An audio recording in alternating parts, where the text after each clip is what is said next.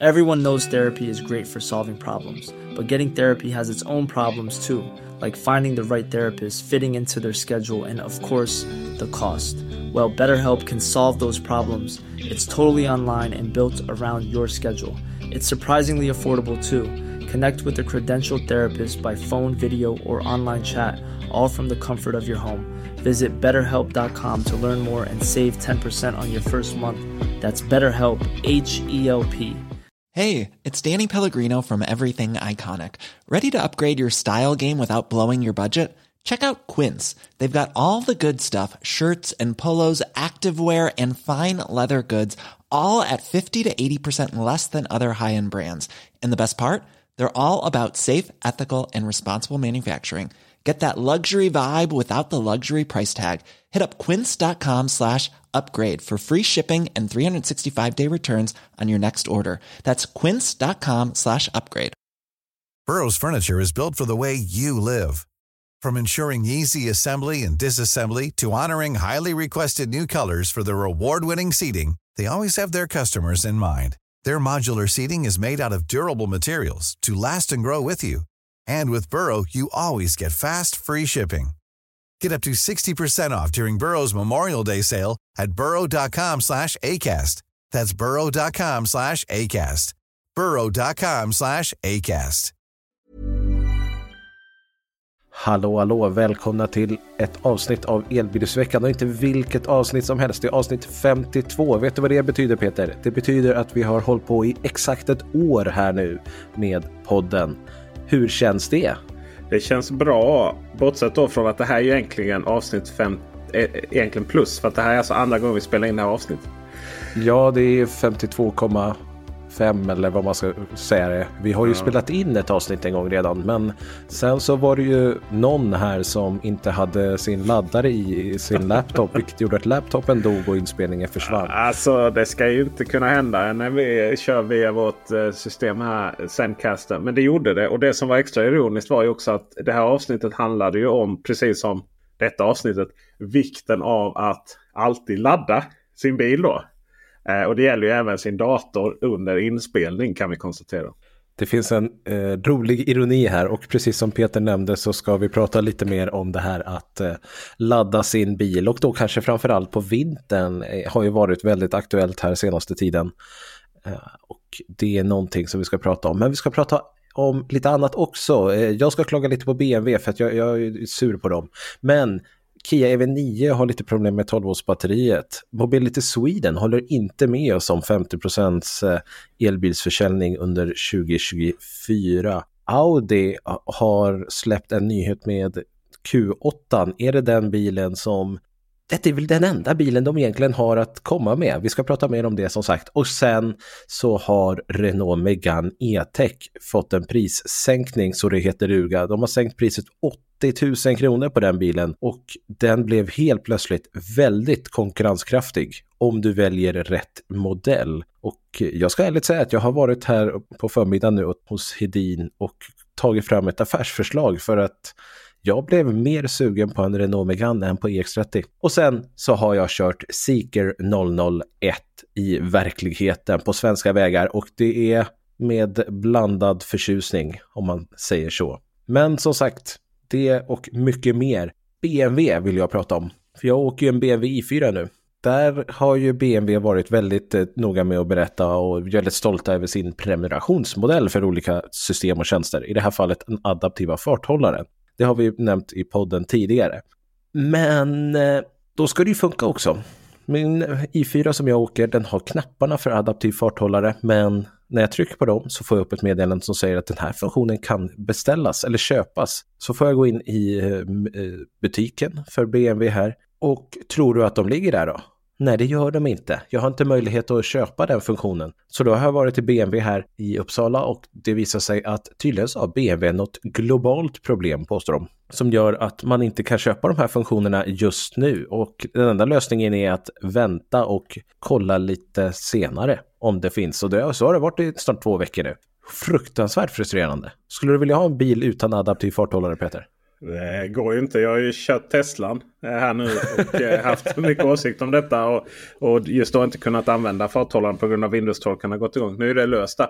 Men det här är ju väldigt intressant. för att om det här hade varit en utmanare. Till exempel en kinesisk utmanare. Eh, eller Fisker.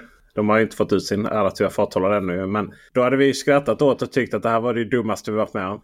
Ja. Jag, jag är inte helt säker på att, om, att det är BMW. Om det liksom på något sätt gör det här lättare. Det är på något sätt så här.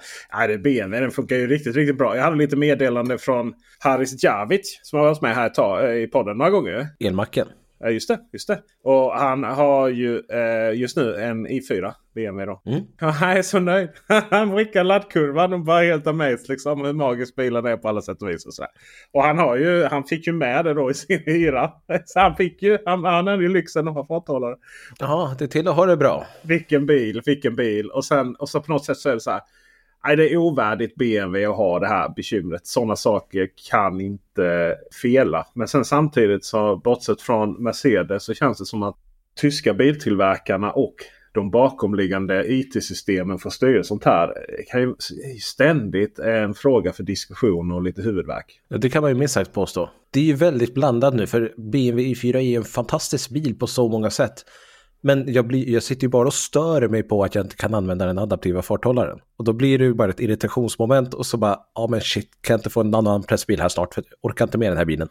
Eh, Ungdomen har ju glömt bort hur vi gasar liksom. vad, vad är en gas för något? Nu förstår jag ingenting. Nej, precis. Gas, det är, så här, är det någonting som man har i fossilbilar kanske? Gas.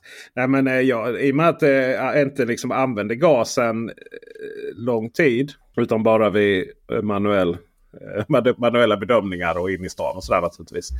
Så får man ju kramp i tassen liksom. Av att hålla på och sitta där. Och, framförallt så är det ju svårt att eh, he, hela tiden förhålla sig till hastighetsgränsen. Liksom. Ja men det blir ju det och alltså, jag kör ju väldigt mycket motorväg och då kommer man ju fatt bilar och man kör om lastbilar och det är allt möjligt. Alltså, man inser, jag inser liksom inte hur, hur mycket jag saknar adaptiv farthållare förrän nu när jag sitter i en bil lutande. Nej, och eh, hur mycket man använder igen då. I och med att jag hade en, har en bil där man tidigare behövde aktivera den hela tiden innan jag hacksade systemet via sexy buttons. Så inser man hur många gånger man aktiverar den. Eller skulle behövt aktivera den. Liksom. Förhåller sig till den här adaptiva farthållaren. Och med det ofta då också eh, styrassistenten. Som vi väljer att kalla Teslas Autopilot eller Volvos Pilot Assist. Det är viktigt att definiera upp det här nu. Vi ska prata lite om det här i senare i avsnittet. När du har varit ute och blivit eh, virtuellt utpressad på andra filen och sånt där av en sån styrassistent. Precis, precis. Eller det var ju inte styrassistenten utan det var ju någonting annat. Eh, så att eh, värt att definiera upp det. Men de, den här grejen som håller oss mitten i filen i alla fall. Den, är, den och farthållaren är vi helt beroende av. Och det är helt absurt. Får du betala fullpris för den här då? eh, Fast den liksom inte funkar? Ja, det får jag göra för det, det, alltså, jag har ju inte hyrt bilen med de här funktionerna utan jag var ju helt hundra på att ja men vadå, jag går ju bara in och alltså bilen är sprillans ny och då brukar man ju få en eh, så här testperiod på tre månader så jag tänkte ju bara att ja, men jag aktiverar den och så lever, lever livets glada dagar. Mm. Så hyrfirman i sig, de har ju inte sagt att de hyr ut med adaptiv farthållare. Fast alltså bil utan adaptiv farthållare. Vad är det här? Jag, jag minns jag var i Spanien. I, eller i, runt Barcelonaområdet. Där Katalonien i, för, vad kan det ha varit? Tio år sedan. Och jag fick, eh, fick en Volvo V40. eh, Splojsas ny. Det var ju så mycket skador på den så det var inte ens någon mening att fota den. För det var, liksom, det var ju skador överallt på den. Och den var helt ny. I vilket fall som helst så eh, den hade limiter. Hade den. Ja. Den hade ingen farthållare. Härligt. Nej. Så det liksom kunde man väl acceptera. Men en, en BMW i4 är tekniskt prestanda under att du inte liksom kan aktivera din farthållare på den. Det är ju helt absurt. Men jag har i alla fall inga problem med 12 volts batteriet i den och det får man vara glad för. Men det har jag hört att det finns andra som har. Många eh, är det som har eh, rapporterat om att eh, Kia EV9, denna årets bil, eh, årets familjebil i vårt fall, årets bil hos eh, tidningen Elbilen, våra vänner som är med här i podden ibland. Och det är alltså inte huvudbatteriet som har laddats ut. Det gör det ju inte. Utan det är 12 batteriet som har dränerats ofta. Och eh, jag, bara, jag, känner lite så här. Den här EGMP-plattformen den har ju sina käpphästar alltså. Det, det, är ju, den är ju fin på många sätt och vis. Sådär med sig 800 volt system. Spännande. Och Kia gör trevliga bilar som är sådär precis rätt. De är inte för premium. Alltså kostar för mycket. Och de är, de är inte liksom för... De är, de är, de är liksom Ikea. Skitbra. Det var ett bra ord. Men, men eh, fasen vad de har issues. Alltså. Dels har vi det här med Tesla-grejen. Att de inte kan ladda på Teslas nyare laddare. Även om det verkar som att det funkar bättre på V4. Alltså de största, det senaste då. Men inte de här som är nästan överallt. Då.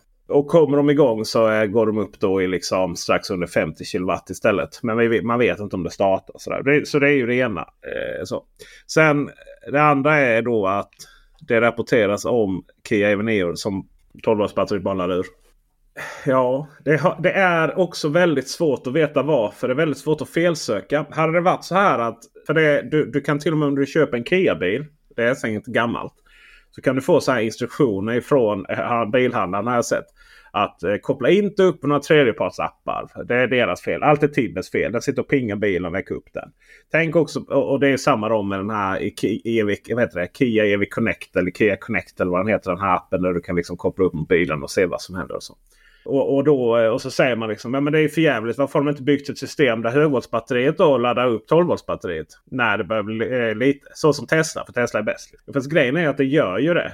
Det är, så här, det är, en, det är en person på, på, i den här gruppen då som har, han har, han har verkligen liksom gått igenom alla scenarier och försökt hitta liksom vad, vad är det som händer att en Kia EV9 kan tappa all batterieffekt. I vilket fall som helst så har det, det har liksom inte kommit fram. För i normalfall så är det så att om, eh, om eh, 12-batteriet får för låg eh, spänning i sig. Då laddas det upp. Det, så det är det det ska göra. Det funkar enligt förväntan. Men det är någonting, någon process som kan hända någonstans då 12 kan laddas ur. För det gör det lite väl lätt. Och det verkar vara en sån här Kia Hyundai-grej. som så här, varje gång man pratar om det här med någon som har liksom lite erfarenhet av Kia. Är det är en Kia-grej. Jaha, men vad dumt. Varför har de inte löst det liksom? Och sen är det ju den här förbaskade kylan här nu liksom som, som gör att, uh, att uh, spänningen minskar. Liksom. Alltså det vill säga batterinivån minskar genom att cellkemin förändras. Alltså det kan ju vara så. Det är ju så på våra vanliga elbilar. Säg att vi har liksom. Det är ju så här. Vi ska ju inte. Vi ska ju absolut inte så här, köra hem. Om vi kör länge och så tänker vi så här. Ja men eh, så här. Jag kommer hem med 10% batteri. Eh, och jag vill hem. Och sen så kommer jag ladda den här bilen dagen efter. Då kan det vara så att du kommer hem med 10% batterinivå. Och sen när du ska gå och sätta dig i bilen dagen efter. Då är det bara så här. Nej, du har typ 2% kvar. För det som har hänt då är ju att när du kört där i godan ro och ska hem. Då är ju batteriet uppvärmt där. För du kanske har laddat det längs motorvägen och allting är fantastiskt. Men sen så när det kallnar och blir minusgrader mitt i natten. Då ändras kemin och, så, och, och, då också rapporteras det liksom att äh, du har ju inte så mycket kvar i batteriet längre. Samma sak händer ju med 12 batteriet Men det är ju så mycket känsligare för det har ju knappt någon... någon eh, eh, det är inte mycket, mycket som lagras i det. Sådär. Eh, och samma sak kan hända där. Men då ska ju alltså, eh, då ska ju alltså högvattsbatteriet ladda upp det. Och i någon gång så gör det inte det. Och det verkar som att EV9 är extra känsligt för detta. Ännu känsligare än EV6. Och det kan ju göra, ha att göra med att det är mycket mer elektronik och sådär i den här stora bilen. Vet jag inte. Den har ju eh, den har annan elektronik. Det är till exempel därför som vi kan få trådlös Android Auto CarPlay i denna bilen. Eller CarPlay i alla fall. Eh, men vi kommer aldrig få det i EV6. För det är liksom inte samma hårdvara där. Det här är ju helt klart ett dilemma. Men å andra sidan om det nu är så att faktiskt HD och allting eh, medger då att det ska laddas upp 12 batteriet Då så kan det ju vara så att det kommer som en bugfix då att den här vad det nu är som hänger den här processen då som, som gör att den inte laddas upp. Men det är nog ganska viktigt att göra det för det, vi kan inte liksom ha en epidemi av EV9 som står och är urladdade längs gatorna. Jag tycker att det här är så konstigt för jag menar som sagt som du säger Kia EV6 har ju haft det här problemet länge. Och, och Kia har liksom inte fixat det. Och så nu kommer EV9 och den har samma problem. Och man blir så här, men hallå, finns det inte, är det inte något steg i det 12-stegsprogrammet som handlar om acceptans? Eller att, eh, att man ja, just det. är inte helt hemma på det här, men att Kia borde väl liksom erkänna att okej, okay, vi har ett problem, men det känns inte som att de gör det. De bara blundar och låtsas som ingenting och så säger de nej, det är Tibbers fel. Ja. Så, så kan man inte göra. Problemet är ju att 12-stegsprogrammet, eh, ettan där är ju, är ju att vi erkänner att vi var maktlösa inför 12-voltsbatteriet. Jaha. Och att våra liv har blivit ohanterliga. eh, vi kom till tro att en kraft större än oss själva kunde återge oss eh, vårt 12 volts batteri. Uh, och trean då, vi beslöt att överlämna vår vilja och vår liv till Kias omsorg sådan vi uppfattar Kia. Uh, alltså, mm, okay. vi får väl se här. det kanske inte var världens bästa referens då. men, men det är det jag tänker, att har Kia liksom erkänt att det här är ett problem? För att det verkar de ju inte vilja göra. Nej. Ja, vi kör fyran här. Vi gjorde en grundlig och oren inventering om oss själva. Det är den vi får slänga på Kia. Det där måste de ju lösa annars så går ju inte den bilen att rekommendera. Nej men alltså precis. Ja vi får se hur många bilar som säljs nästa år av den då. Precis som resten av alla elbilar. Eller vad säger du Kristoffer? Vad, tror du, vad tror du de säger eh, på Mobility Sweden? Eller det vet vi.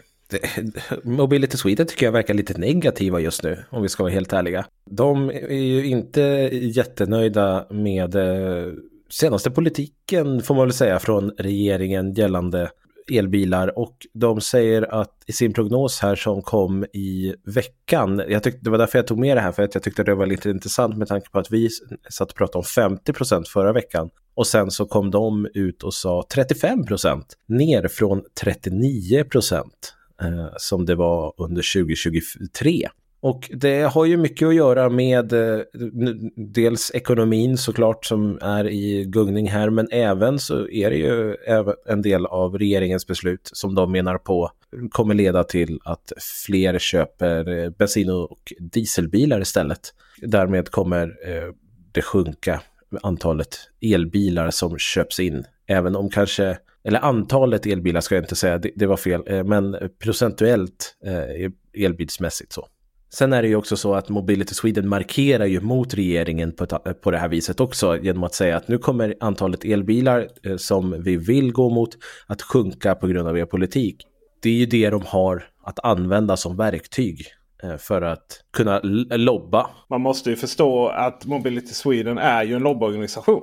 Mobility Sweden är ju den svenska bransch, branschorganisationen eh, för just tillverkare och importörer av personbilar, lastbilar och bussar. Jag läste utantill där. Det betyder ju att eh, dock glädjande nog att bilbranschen i Sverige är ju, verkar ju vara överens om att elbilar är det som gäller. Och kommunicerar då via Mobility Sweden att det blir tuffare här framöver. Det är ett fel regeringen.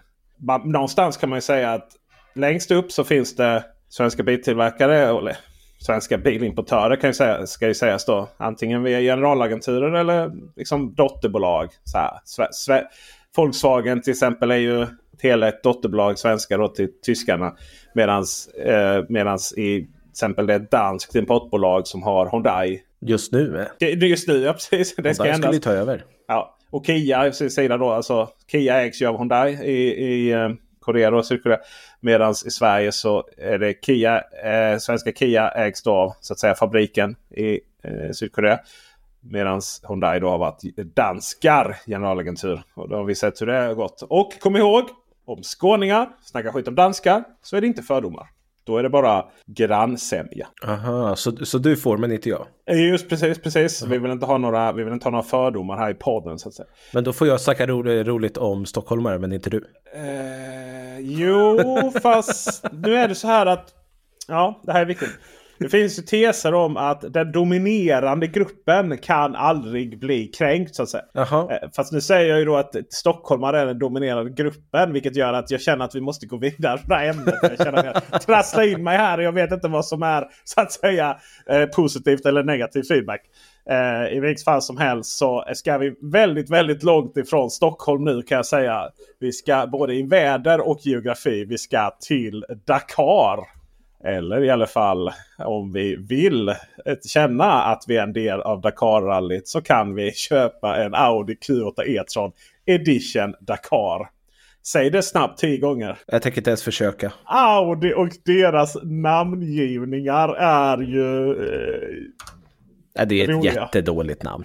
Audi Q8 E-tron Edition Dakar. Man, man på riktigt. Sätt det på bakluckan. Ja precis, vi har precis, vi har precis liksom rätt ut att det rätta namnet för Audi RS E-tron GT är just Audi RS E-tron GT och inte E-tron GT RS eller Audi GT E-tron RS eller vad det är. Men, men eh, de har ju... Audi jobbar ju mycket med de här paketen och de heter olika. Det är som, det är som till exempel om vi ska köpa en Q8 E-tron Quattro S-Line Selection.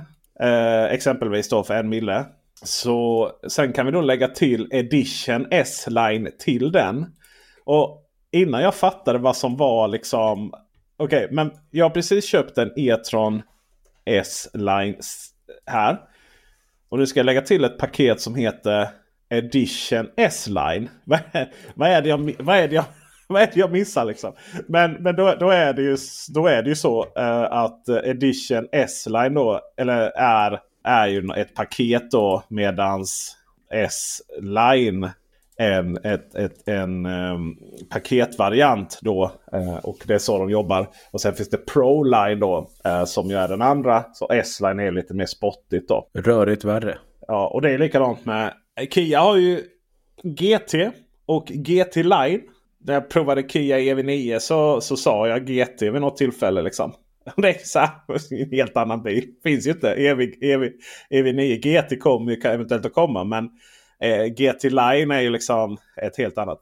Men men så är det inom bilvärlden. Och de eh, eh, har då helt enkelt tillbaka till Audi eh, lanserat av alla grejer som Audi borde göra så har man alltså lanserat en eh, Dakar-version av Audi Q8 E-tron.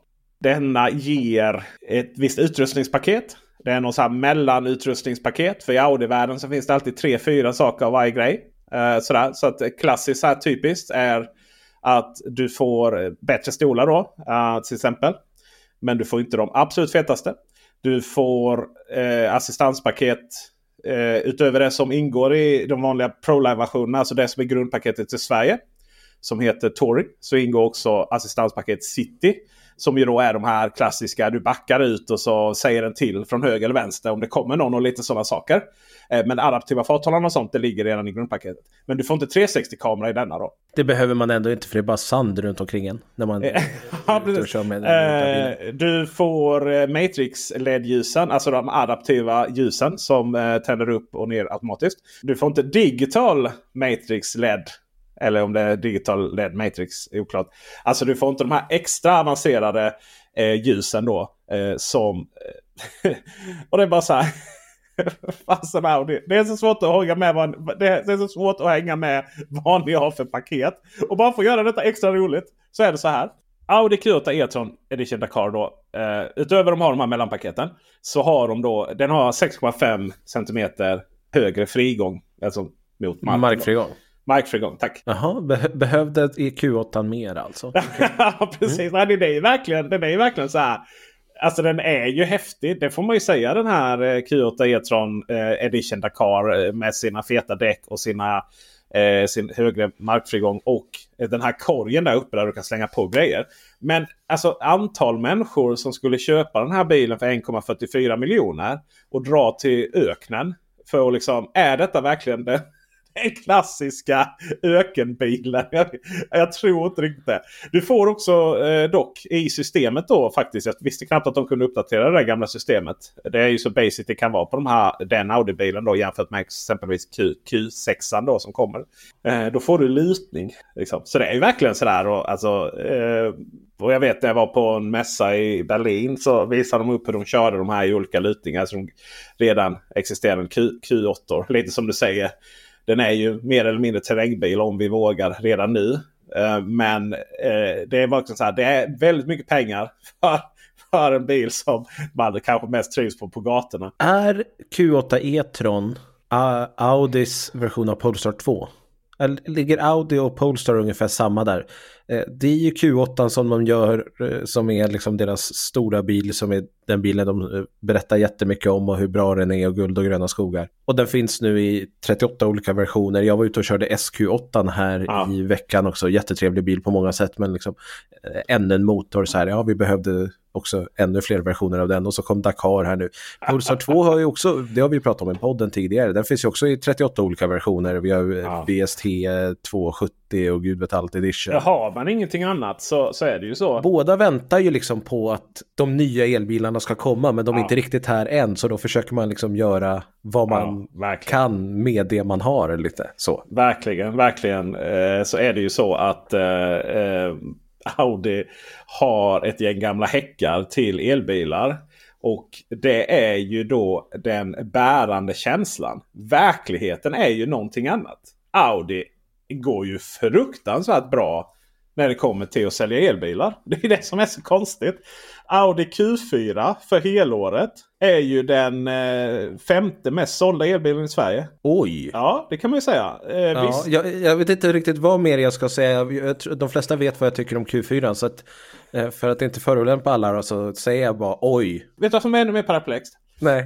Audi Q8 55an ja. som är liksom den här som de har kunnat leverera då, Audi. Jag vet ju mycket mm. väl att det har varit svårt att få 50an, den lite billigare varianten. Som är dock den bästa och trevligaste. För den är ungefär motsvarande gamla 55an. Och det är den du har beställt bara så att vi... Den har jag beställt. Ja, så att det finns ja, det en viss bias där. det är en fossilmetafor i el. Den har ett system som känns rätt så gammalt. Den har en startknapp. Du måste stänga av bilen annars bara säger den liksom att bilen är igång. Den är, den är tung, den drar rätt mycket. Den kostar runt en miljon. Och det är Sveriges mest sålda el, ellyxbil för runt en miljon. Hur hamnade vi där?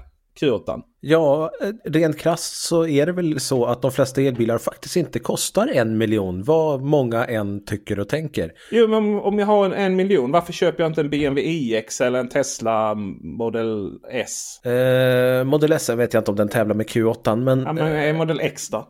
Ja, då, mm, jag, man, kanske inte, man kanske tycker om inredning. Eh, nej, Xen har ändå en inredning. Eh, jag ska gå ifrån det här för att inte trampa in ännu mer i klaveret. Eh, IXen tror jag många har svårt för utseendet för. Jag hade ju tagit IXen, det har jag ju sagt. Ja. Jag tycker Q8 är en bättre bil, eller bekvämare bil.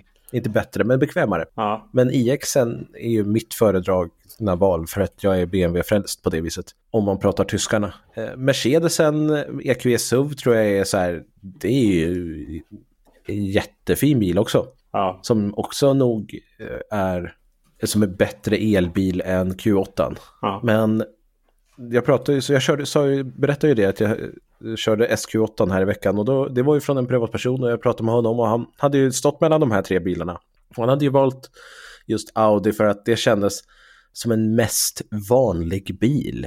Liksom han satte sig i den och kände att ja, men, jag vet vart allting är, det är inga konstiga grejer, det är inte så spejsat eller märkligt, så, så här, rymdliknande. Det upplevde han var mycket i BMWn. Eh, Mercedesen, den, den, var också lite för spejsad med den här jättehyperskärmen som var, den bara samlade damm överallt och det syntes jättedydligt. Utan då var Audin det som han föredrog bäst och jag tror att det är mycket där man hamnar. Jag förstår inte det konstiga i, i sammanhanget att jag har alltså beställt den här bilen. Precis. Det är för att jag, all, jag lyckas alltid liksom få smak för någonting som, som ingen annan verkar uppskatta. Eh, I mitt fall så är det ju för att jag vill sjunka ner i den här fåtöljen i vardagsrummet. Eh, fast det är en bil. Och bara köra och njuta. Allting som inte en Model är nu. De är ju, det, jag, ibland ser jag liksom hur de här bilarna jämförs med varandra. Det är, så här, det är så två diametralt skilda bilar ever. Det ska sägas att Model X kostar 1,3 miljoner. Men har du en miljon över så var jag 300 000 mer eller mindre. Det är som många Q, Det som är synd med Q8, precis som alla MEB-bilarna, det är ju att den förvärmer inte batteriet. Det är rätt många människor som jag har sett nu som är lite småbesvikna på sin Q8. Att det går lite långsamt att ladda nu här. Eh, dock inte ner på den nivån som MEB-bilarna. Till skillnad mot MEB-bilarna, alltså ID4 och Q4, eh, Audi Q4 och Scoreniac och sådär. Eh, så kommer ju inte Q8 få förvärmning ever antagligen då. Eh, någon gång betyder det på svenska för övrigt. Eh, utan eh, det är ju i så fall när Q8 någon gång i framtiden kommer att bli uppdaterad på en ny plattform. Men eh, det är ju någonting med Audi Q8 som gör att den så här någonstans urdefinierar en tysk SUV. Stor och tyst och härlig. Inte liksom ett digitalt under. Men jädrar vad man kommer fram. Den kan ju ploga igenom snön liksom. Ja, det är intressant. Kan vi prata om eh, bilar som folk har råd med som jag tycker om nu? Ja, fast det är ju det är nästan provocerande eh, att, att gå från dit till dit. Jag vet vad du ska komma. För eh, helt plötsligt så fick eh, Renault för sig att de skulle sänka priset på sin Megane E-Tech med 80 000 svenska riksdaler inklusive mervärdesskatt. När jag körde den i, jag vill säga sommaren 2022, eh, då hade den precis kommit. Jag tyckte den var helt fantastisk på så många vis, men det jag sa var att köp den för känslan, inte för logiken. Och det, med det menade jag, den var för dyr, den kostade för mycket pengar. Till och med ID3 var ju rena rama eh, fyndet. Men nu, när bilen har blivit ett och ett halvt år gammal, alla barnsjukdomar är borta, bilen har liksom fått mogna, Renault har fått mogna och så bara sänker de priset 80 000 kronor, vilket betyder att bilen börjar på 410 000 kronor. Då börjar vi helt plötsligt så här, nämen vad är det, hallå, tjena tjena. Jag hade avbeställt min Volvo direkt, EX30 om jag hade haft någon. Jag eh, har ju beställt en Volvo så jag var ju tvungen att jämföra här. Och då, för att jämföra lite äpple mot äpple och inte liksom min fyrhjulsdrivna lalala, för det, fyrhjulsdrift kan du inte få på Megane. Så då byggde jag en EX30 Ultra eh, med det stora batteriet eh, och eh, med en räckvidd på 475 kilometer, liksom, ja men bakhjulsdriven. Eh, och så en gul färg såklart för att man måste ha en kul färg. Sen så var jag till Hedin och fick ett affärsförslag på en Renault Megane och jag, jag har tagit fram det här förslaget för att jag funderar seriöst på om jag ska ta, beställa en Renault Megane. Men här, Meganen slutar med sin röda färg istället för gul då. Eh, och vinterdäck på 571 000 medan Volvon kostar 618 000 kronor. Och då är det liksom fullutrustade med en, en annan lack och vinterdäck ingår i det där. Så att du sparar närmare 50 000 kronor och då är frågan, vad är det du tappar då, då om du skulle stå mellan de här två bilarna? Ja, Renault har inte elektrisk baklucka, vilket är jättekonstigt, men det har den inte, så det kommer man inte ifrån. Eh, den har också en DC-laddning på 130 kW istället för Volvos 150 kW. Och sen har den en VLTP på 450 km istället för 475 km. Sen kan du ju faktiskt få EX30 i fyrhjulsdrift och med 1600 kilo dragvikt medan Meganen bara kan dra 500 kilo. Men Meganen har fortfarande 22 kilowatt AC-laddning. Meganen har fortfarande Google Automotive, Android Automotive, jag kommer aldrig ihåg vilket av dem det heter. Meganen har en mycket, mycket, mycket, mycket trevligare inredning eh, som jag verkligen uppskattar jättemycket. Den har en stor förardisplay, eh, den har en stor skärm i mitten, den har klimat knappar, alltså fysiska knappar för klimatet som är riktigt trevliga. Den har eh, knappar på ratten som är riktigt trevliga och istället för det här tjafset som EX30 sitter med. Jag kommer hämta ut EX30 för att den är eh, rent krasst den eh, bilen som kommer ge fler tittare på en elbilskanal. Men jag kommer nog inte behålla den mer än fyra månader. Jag har ju beställt den med just eh, Care by Volvo tre månaders uppsägningstid. Det kommer jag utnyttja. För att eh, av en Renault Megane E-Tech och en Volvo EX30 så är E-Tech den bättre bilen i mitt tycke. Men det gäller att man inte tar den minsta utrustningsmodellen. För gör man det då får man inte Google Automotive eller Android Automotive, utan då får man eh, Renaults egna lilla system och en mycket mindre skärm. Och eh, den bilen är faktiskt inte värd att man köper. Den, jag tycker inte att man ska göra, vara liksom dumsnål om man lägger de pengarna. Istället så eh, lägg några kronor till, vi pratar 450 000 kronor då tror jag eh, så får du eh, det stora batteriet och du får liksom Google Automotive och därmed en mycket bättre bil än om du väljer det lilla för 410. Det vet jag inte riktigt. Jämförde vi också EX30 69 kWh batteri med Renault 60 kWh. 60 kilowattimmar, ja. just det. Tack.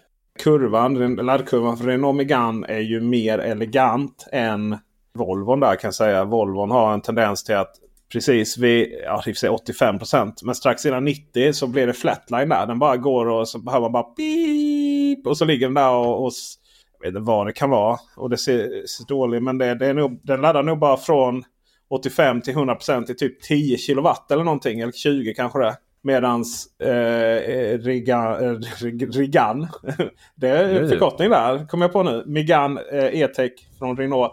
Den är mer eh, liksom elegant. Den bara går sakta neråt och håller ganska högt upp då. Till 90% så börjar den falla sen. Då, eller håller, alltså den håller. Den är nere på 25% på 90% också. Men... Alltså officiella laddtider är 28 minuter för Volvon och 30 minuter för Meganen. Uh, och då ska Meganen kunna bara ta 130 kW DC som sagt istället för 150. Megane är den bättre bilen tycker jag. Ja, verkligen. Och är eh, genomsnittlig laddhastighet mellan, laddhastighet mellan 10 till 90 på eh, eh, Rigannen då. Eller vad, sa, jag? vad var det jag fick vad för namn? Bra namn. Rigannen. Ja, Rigannen. Eh, alltså Renault Megane E-Tech. 60 kilowatt medan den är på 63 kilowatt då på Volvon. Eh, så det är, de är ju identiska nästan. Det är bara att de har fått upp kurvan lite längre då på Volvon. Men i gengäld så måste den gå mer spikrakt neråt istället. Så, så det där med laddningskurva för övrigt. Det är någonting som ska bli mitt mission in life att ta bort. Det är det dummaste som finns. Det låter som en annan diskussion. Det gör det. Megan, som sagt, sänkta priser. Eh, det är kul att de här små, det här småbilsegmentet, eller vad man ska kalla det, eh, att priserna börjar krypa ner där och eh, jag ser fram emot att få se fler Renault på vägarna för att jag tycker att det är en fruktansvärt snygg bil. Och jag tycker att EX30 också är en snygg bil men jag tycker Renault har lyckats bättre på insidan. Ja, absolut. Jag skulle faktiskt personligen då, om vi nu ska vara sådana och bli lite personliga här i podden. Så måste jag säga att eh, Renault har lyckats otroligt bra med sina, sina nya elbilar faktiskt. Eh, så, Renault Megane E-Tech är, nej, jag skulle säga att den är Framförallt baken har man lyckats väldigt bra med. Fram, fra, eh, fronten är riktigt snygg också, men det är den ju på Volvon också. Men mm. baken på Volvon är så här, jaha, ja, okej. Okay. Ja, de var tvungna att ha en bak liksom. Det är lite så här ibland. Det är lite Volvo. Det är oftast, alltså det är mycket så har varit genom åren. Det har varit så här, ja men baken liksom. Volvo S60 med så här konstiga eller S80 liksom med sina konstiga... Ja men det passar jättebra i kombin att ha de här höfterna som går ner. Men sen så man ja. en sedan så bara... Ja, nej, vi löste inte det där. Eh, sen samtidigt så det hände precis tvärtom på C40 kontra XC40 där C40 blev jättesnygg. och sådär. Men men det är en samtal för en annan tid. För vi ska nämligen eh, ha lite reklam här nu för alla er som inte prenumererar på eh, alla olika möjligheter och slippa den reklamen. One size fits all seems like a good idea for clothes until you try them on. Same goes for healthcare. That's why United Healthcare offers flexible, budget friendly coverage for medical, vision, dental, and more. Learn more at uh1.com. Hey, I'm Ryan Reynolds. At Mint Mobile, we like to do the opposite of what Big Wireless does. They charge you a lot, we charge you a little. So naturally, when they announced they'd be raising their prices due to inflation, we decided to deflate our prices due to not hating you. That's right. We're cutting the price of Mint Unlimited from $30 a month to just $15 a month. Give it a try at mintmobile.com slash switch. $45 upfront for three months plus taxes and fees. Promote for new customers for limited time. Unlimited more than 40 gigabytes per month. Slows. Full terms at mintmobile.com. Hey, it's Danny Pellegrino from Everything Iconic. Ready to upgrade your style game without blowing your budget? Check out Quince. They've got all the good stuff, shirts and polos, activewear, and fine leather goods, all at 50 to 80% less than other high-end brands. And the best part? They're all about safe, ethical, and responsible manufacturing. Get that luxury vibe without the luxury price tag. Hit up quince.com slash upgrade for free shipping and 365-day returns on your next order. That's quince.com slash upgrade.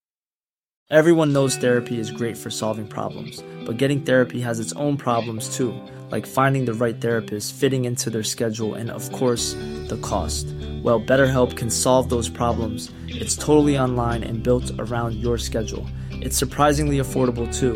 Connect with a credentialed therapist by phone, video, or online chat, all from the comfort of your home. Visit betterhelp.com to learn more and save 10% on your first month. That's BetterHelp, H E L P. Wow! Nice! Yeah! What you're hearing are the sounds of people everywhere putting on Bombas socks, underwear, and t-shirts made from absurdly soft materials that feel like plush clouds. Yeah, that plush. And the best part? For every item you purchase, Bombas donates another to someone facing homelessness. Bombas. Big comfort for everyone. Go to bombas.com slash ACAST and use code ACAST for 20% off your first purchase. That's bombas.com slash ACAST. Code ACAST. Jag har 18 minus här i Uppsala idag och jag har hört eh, på nyheterna i veckan att eh, i Skåne har det inte varit något toppenväder heller om jag syftar på eh, E22 där som har gått Nej. lite dåligt. Och då har det ju varit mycket snack om hur länge en elbil klarar av att stå på tomgång som jag har läst på ett par ställen tycker jag är lite roligt. Tomgång, ja just det. Just ja. Det. ja. Hur långt är ett snöre? Nej men det Precis. har här, och jag känner väl att det där kan man ju, det, det samtalet kan man ju stå över lite. För det är alltid sådär att det kommer någon vinkel här, någon vinkel där, någon citerar någon och så sprids det jättemycket. Liksom, någon sådär, nej man kan inte stå. Det var väl det var ju någon tjomme ifrån motorn, alltså gamla, M, gamla motormännen, eh, numera M Sweden då, som var ute och pratade om att eh, ta, dra mycket ström. Liksom att du kan inte sitta så länge i din elbil om du blir stående. Då. Eh, och det har ju också slagits upp sådär. Och läser man den artikeln så var det väl inte riktigt så han menade tror jag. Men så här. Det finns några saker i kyla. Eh, elbilar i kyla som vi helt enkelt ska förhålla oss till. Nummer ett. Batterier får mm, sämre kapacitet när det blir kallt. Och Det betyder att de får sämre kapacitet när bilen kyls ner. Och just i det läget då så ska vi inte liksom ställa bilarna med låg eh, batterinivå. För sen när du kommer ut på morgonen så kanske du inte har någon batterinivå överhuvudtaget. Nu eh, är det ju en fråga om kemi då. Så du kan ju få räckvidd sen när du värmer upp batteriet så här lite. Men eh, se till att eh, inte ställa bilarna med låg batterinivå alls utan ström då. Särskilt också då med tanke på 12 volts batteriet. Eh, som ju oftast är det problemet. Om bilen är död så är det oftast 12 volt batteriet som är död. Och den är ju en klassiker oavsett vad du bränner eller skapar energi till hjulen med. Då. Precis, det är väl en av de vanligaste anledningarna till att bärgare kommer ut. Yes. Eh, som sagt oavsett bränsle, just ja. att 12 volt batteriet är dött. Så det... det, det där är ju så klassiskt. Ja, vad är problemet? Det är med batteriet. Och alla bara, oh, är det batteriet? Ja, det är inte bra med elbilar. Och så var det inte alls det bärgaren menade, utan det var 12 volts batteriet. Så. För det är ju alltid batteriets fel liksom. Ja, ja så är det ju. Det är en klassiker. Eh, sen så eh, när du är hemma då så skall du ju innan du kör iväg på vintern så är det ju med fördel så att du sätter en avresa på bilen så att både kupén och bilen är uppvärmd. Och Det här finns lite olika sätt att göra det på. Vissa bilar måste du göra det via appen. Andra bilar, nästan alla bilar som har en app tror man kan göra det via appen. Annars är det någonstans i systemet. då. I många bilar så står det då förvärme. Och när, i många bilar det står förvärme i när du kan ställa in, eller alltid när du ställer in schemaläggning. Då är det alltså när du ska åka iväg. Det är många som blandar ihop det här med förvärme inför laddning. Då, exempel. Eh, det som är viktigt att tänka på då är ju att när du förvärmer batteriet där på morgonen så ska du göra det naturligtvis ifrån elnätet då för att maximera räckvidden på din bil. För vi vill verkligen maximera räckvidden på våra bilar på vintern. Just för att vi kan bli stående i en bilkö. Och då är det trevligt att ha eh, lite ström kvar då för att hålla igång värmen. Då är det viktigt att se till också att det står, till exempel om ni smartladdar så att det står i eh, exempelvis Tibber då att eh, vi har avresa exempelvis 08.00. För då blir det ju så att den kommer att släppa på el då också. Inte bara de tillfället under natten tidigare när den har laddat upp bilen. Om du inte gör det så kommer du inte bilen kunna eh, värma upp sig från elnätet istället. Utan då får du ta den från batterierna då. Och då minskar du räckvidden. Sen när du är ute och kör så då lägger vi på den här gamla, gamla, gamla eh, tesen om ABC då. Det vill säga Always be charging. När vi är ute och kör på sommaren där så kan vi gå ganska tight ner på, på batterierna. Vi vet liksom att det står 3% då kommer jag komma fram. För att jag litar på bilen. Om jag inte kör en bydd till exempel. Kristoffer? Ja, det, det, det, det. Mm. Nu tror jag för sig att eh, BUD har uppdaterat det där, säger de i alla fall. Jag har inte testat det. Men ja, nej. Ja, men vi lär ju känna våra bilar liksom, och, och, vi vet om det står. Jag var ju häromdagen, gjorde jag ju inte alls eh, så som jag liksom lärde ut. Men då var det inte så kallt här. Det stod att det skulle vara 1% batteri när jag kom hem till Malmö. Då. Så det var 1% batteri när jag kom hem till Malmö. Till och med två tror jag. Den hade kört upp lite. Eh, köra upp batteriet låter ju som motsägelsefullt. Men den hade liksom antingen så hade det eh, drygat mindre eh, ström. Eller så hade det blivit lite varmare också då. Så att, på sydliga breddgrader. Så att det visade mer. Men det är ju så här att blir vi stående i, eh, i, i snödriva någonstans eh, med 1% batteri kvar. Så där, då är det tufft att hålla igång värmen en längre tid. kan jag säga. Så därför så ska vi eh, ladda ofta. Vi ska alltså ladda oftare än annars på vintern. Så att vi har den här marginalen. Särskilt vi som kör runt så här pyttebatterier med typ 50 kilowatt eller vad, kilowattimmar. Eller vad vi har i min Tesla. Vad har jag? I, det har jag inte ens tänkt på det. Vad har jag i min Tesla Model Y? Drygt 50 kilowattimmar. 50 kilowattimmar. Jag har gått och köpt en bil med pyttebatteri. Alltså. Ja, men det är det jag säger. 50 kilowattimmar, det är perfekt för folk. Det är perfekt för folk om den drar så lite som Model Y gör. För ja, det är sant. Det är inte, ja. ja, alltså jag, jag, jag låg ju... Jag tror jag snittade 21 kilowattimmar, 210 wattimmar per kilometer under mina tre månader. Då åkte jag 840 mil med den bilen. På mycket motorväg i rätt kallt? Uh, ja, jag var ju dessutom uppe i uh, Karesuando en snabbis.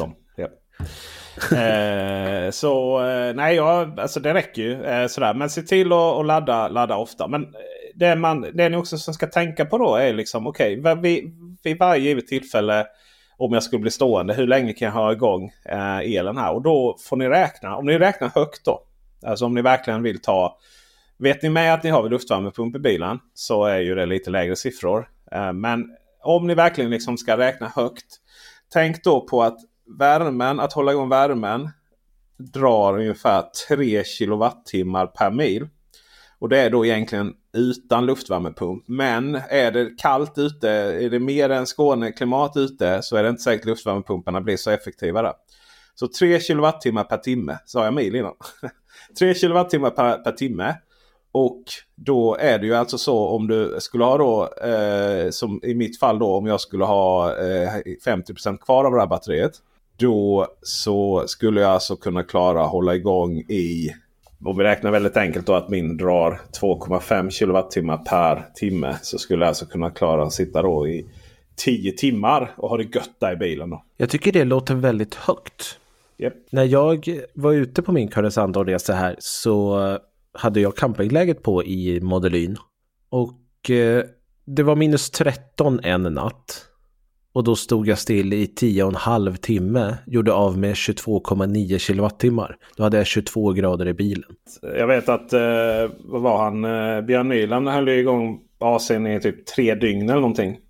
Men eh, i eh, en som var stående med en ID5 i den här kön där på E22. Eh, när han räknade antal timmar och procent som hade gått ner. Då hade han faktiskt dragit 3 kilowattimmar per timme. Ja, men nu, nu, nu är vi tillbaka på det här MEB versus resten. Jo, men du kan... Ja, precis. Vär, Sveriges mest sålda e-postplattform. Okej, okay, fair enough. Som, ja, precis. Det är, ju, det är ju så. Jag tror att Teslorna är rätt duktiga på det där. Så jag säger bara räkna högt liksom. Och tänk då liksom att ja, men eh, liksom. Sen någonstans eh, om, om man börjar komma där upp mot 11-12 timmar. Så har du ju så himla mycket andra problem också ju. Eh, sådär. Det är ju inte så att du har med en hel jädra dygnsmatsäck. Eh, det har man ju inte liksom. Sådär, så att det är ju... Bli stående liksom så länge. Det är jädra tid.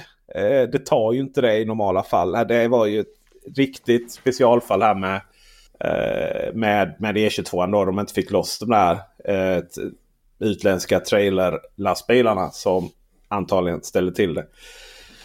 Utländska trailerlastbilar eh, eh, definieras av inte väderanpassade däck och eh, inte så mycket tyngd heller som trycker ner dem. Då. Så det är ju det som är problemet. Eh, så att säga, det blir inga stockarbilar som blir stående. De, de, de gjuter asfalt hur, hur mycket snö den är. Liksom. Men helt klart är det ju också så att om du är i en bilkö med tusen människor. Och du har hamnat där med ganska låg batterinivå. Och du håller på att frysa ihjäl och familjen det går ju att gå och knacka på i en annan bil då liksom. Ni vet liksom. Sådär. Och, och det är samma sak om man eh, har barn och i blöj, och blöjålder och bara skulle iväg lite snabbt och ta med blöjor.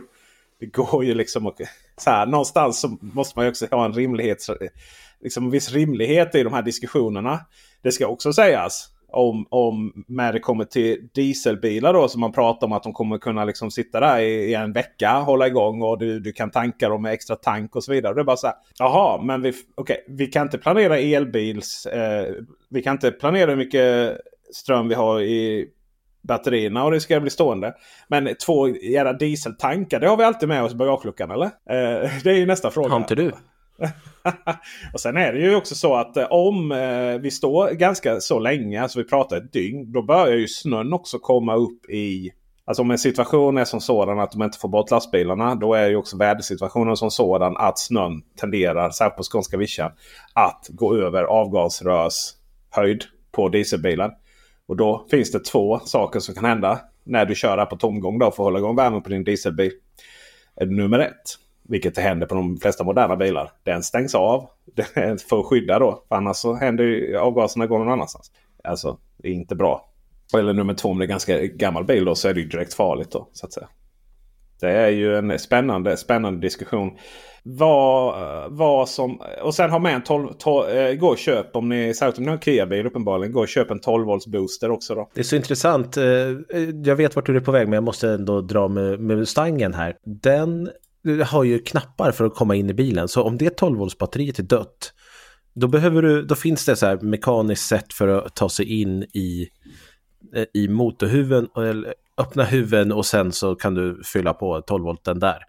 Men det går liksom inte att bryta sig in i själva kupén i bilen. Så har, även om man har en batteribooster i en Mustang så kommer du inte in i den utan att eh, ha någon booster utifrån liksom. Så att då är det bara att ringa bärgare. Hur?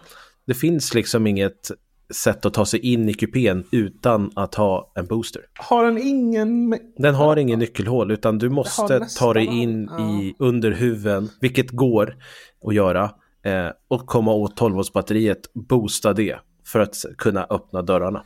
Nästan alla bilar med nyckel då, vilket nu kör vi ju, springer vi runt här utan våra nycklar då och använder mobilen som nyckel. Men nästan alla bilar med eh, nycklar, de, eller med keyfob då, de har ju en liten metallnyckel i sig. Och någonstans i dörrhandtaget, eh, antingen om det är ett fysiskt dörrhandtag som i nyss nämnda Q8 där. Så den delen av handtaget som du inte drar i utan precis till höger där så är det fortfarande liten, går ut lite. Och där kan du pilla bort den eh, plastkåpan och där finns ändå då en fysisk nyckel. På många andra så har du den innanför. Om de som är integrerade handtag. Om du tryck, trycker ut handtaget så kollar du in där så finns det ofta en liten eh, fysiskt här. Så är det på Seeker 001. Mm. Det är det va? Du fick mm. den övergången. Jag försökte gå mer som att på tal om farliga saker på vägar och snö. Men visst, go ahead. Du har varit och kört Seeker 001 som Sveriges första eller en av världens första motorjournalister tror jag. Världen är något att ta in. En att den har sålts 150 000 av dem i Kina eller något sånt. En uh, av västvärlden då. Herregud. Slicka i dig nu. Ja. Uh, jag, har haft en extremt uh, glada turen eller vad man nu ska säga. En kund som beställde sin Seeker 001, eh, en av de topp 20 första i Sverige. Eh, han hörde av sig och sa, eh, frågade om inte jag var intresserad av att följa med när han hämtade ut sin Seeker 001 och köra ner den till Allingsås där han bor. Och det fanns ju ingenting i världen som skulle stoppa mig från det, så det är klart att jag gjorde det. Så att nu har jag kört en kunds Seeker 001, en, en av de absolut första som rullar i Sverige och med färdig mjukvara och allting och eh, det är med som sagt blandade känslor. Vi börjar med det braiga med Seeker 001. Vilken bil! Den stod på 22-tummare friktionsdäck, åkte motorväg 110-120, blöt motorväg. Så tyst och så fruktansvärt trevlig och bekväm. Det var här var en privilege och privilege-modellen den har ju luftfjädring så himla bekväm och trevlig. Och vi satt där och i 110-120, jag hade en eh, annan person med mig passagerarsätet. Normal samtalston, inga behövde inte höja rösten eller någonting alls. Det var allting bara sitter där det ska. Det är ingenting som knarrar eller gnisslar eller något sånt. Utan det, det är helt tyst. Den är superbra byggd verkligen. Och man trycker på saker och ting och det, det hörs inte. Du pratade mycket om det här knarrandet i en Mercedes EQS när du körde den tidigare. Amen, amen. Det finns inte här. Det, det, det är jättebra och det man tar i det, är liksom, det känns kvalitativt och trevligt. Och, alltså hela bilratten, ja, jättetrevlig att hålla i.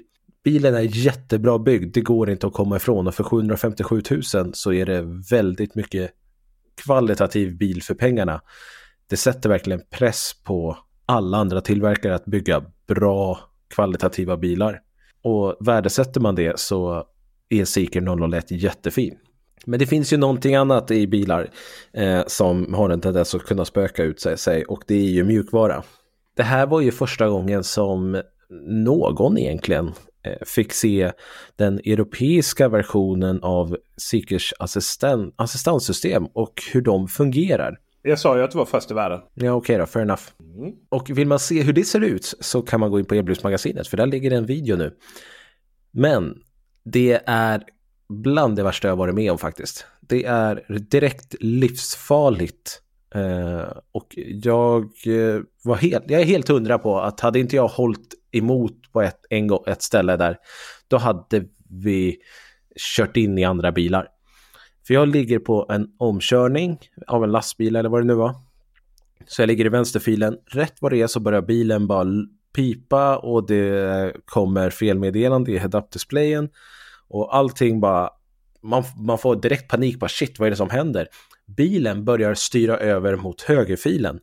Och det här, den gör det med en sån kraft att jag måste sitta med båda händerna och hålla hårt i ratten för att hålla kvar fil, eh, bilen i vänsterfil. Och i, i högerfil var det ju liksom bilar och lastbilar som, kom, eh, som låg där.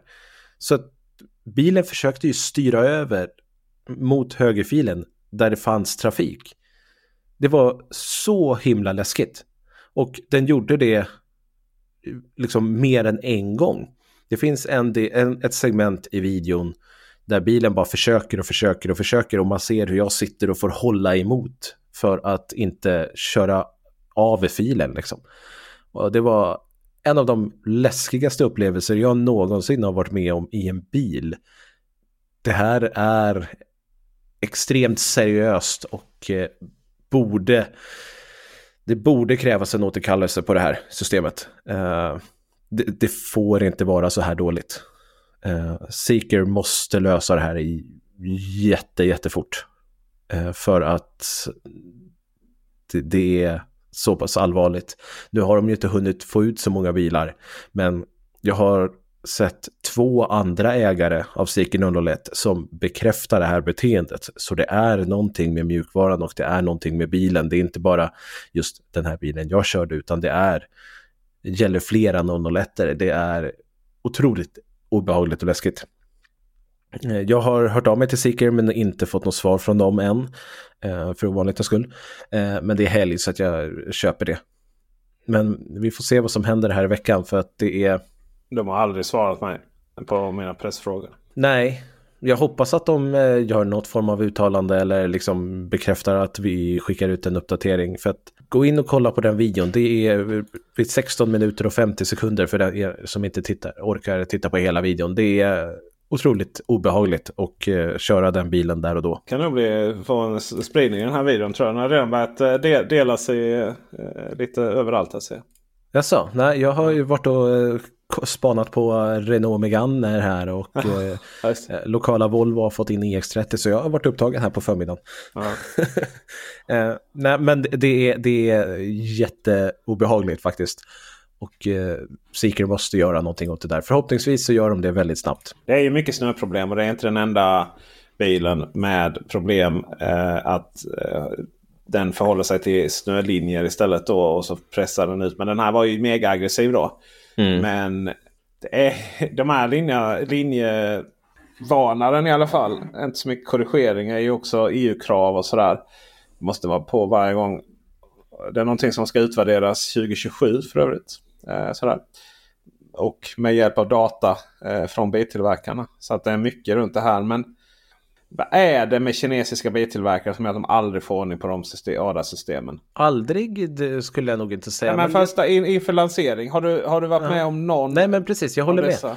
Och jag, jag tror att det helt enkelt är att i, i, man saknar data, man har inte möjligheten att testa.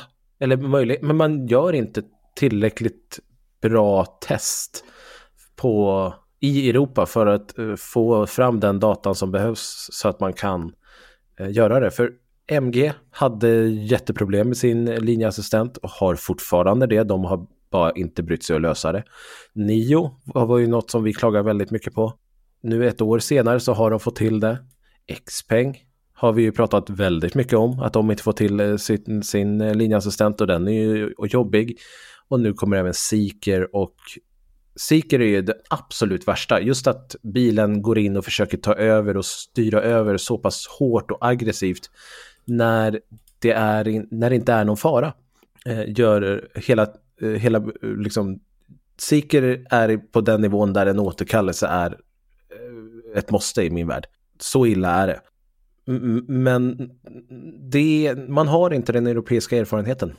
Och jag tror att Seeker 001 kommer vara en jättebra bil om ett, kanske ett halvår. Jag vet inte hur snabba de är på att uppdatera bilarna. Men ett halvår, ett år. Jag vill, bara, jag vill bara också säga att när det kommer till Xpeng så var väl linjeassistenten, alltså vad som händer om vi kör ut eh, över linjen.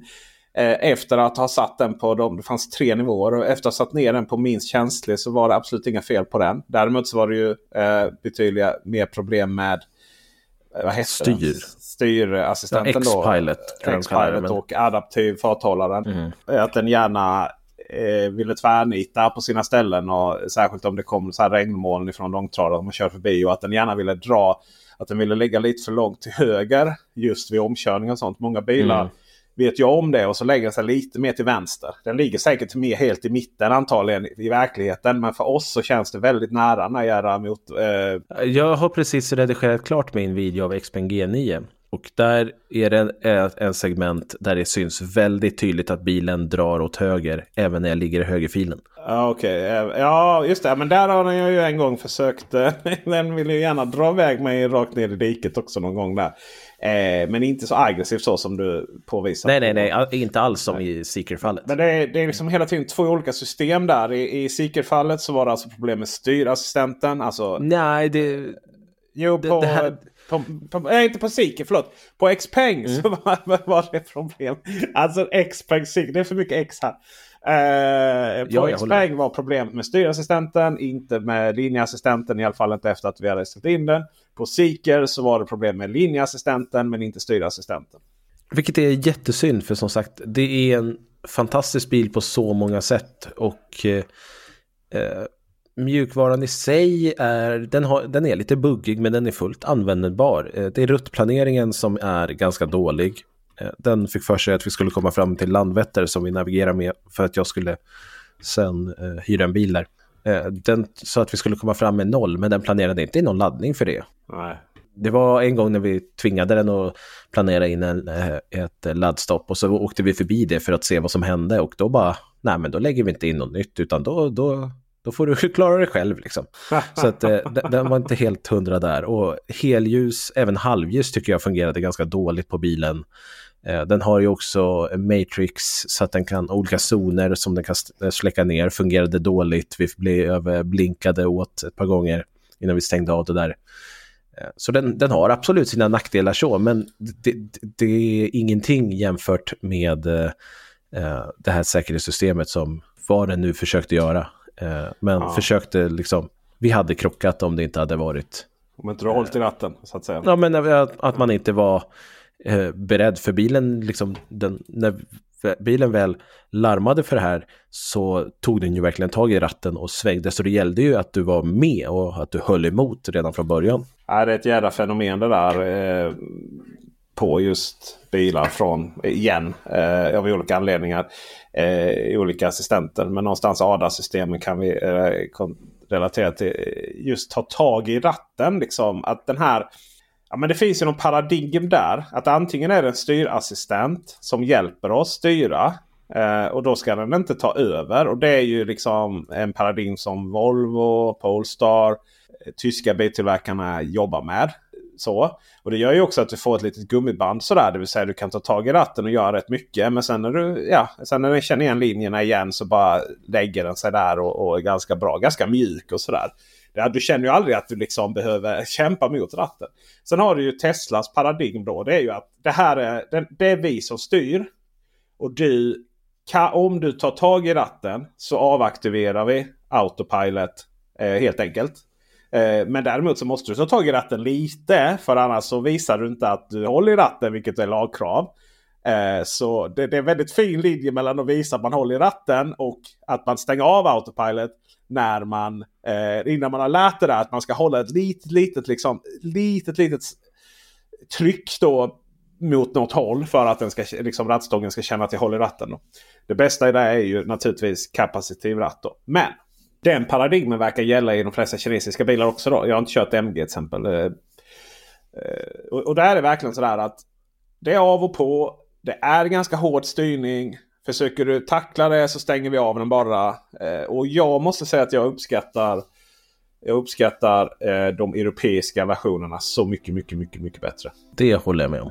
Absolut. Och vi ska inte gå och hänvisa till massa kanaler och eh, sociala medier och ljudtekniker här nu. Utan vi ska avsluta med att säga att ni måste se denna videon. Och eh, som Kristoffer Gullin har gjort här på EBS-magasinet. Ni måste liksom se vad vi pratar om. Tycker jag. Och vill ni inte se hela på grund av internet, ni vet. Allt ska gå snabbt. Så börjar kalaset strax innan 17 minuter va? 16 minuter? Ja, 16.50 där någonstans. Ja.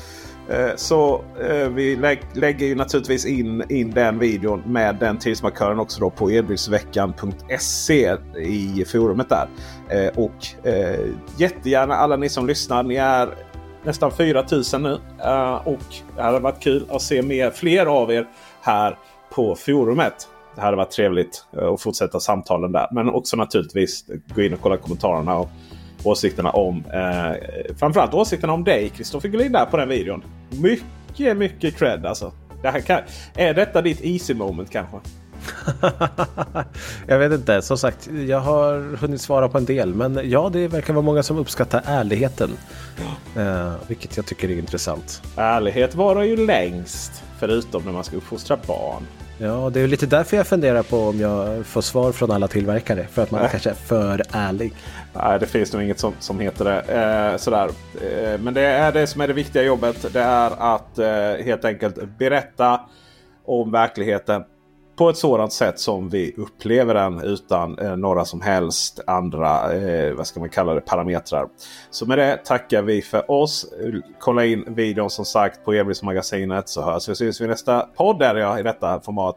Hej! Hej på er!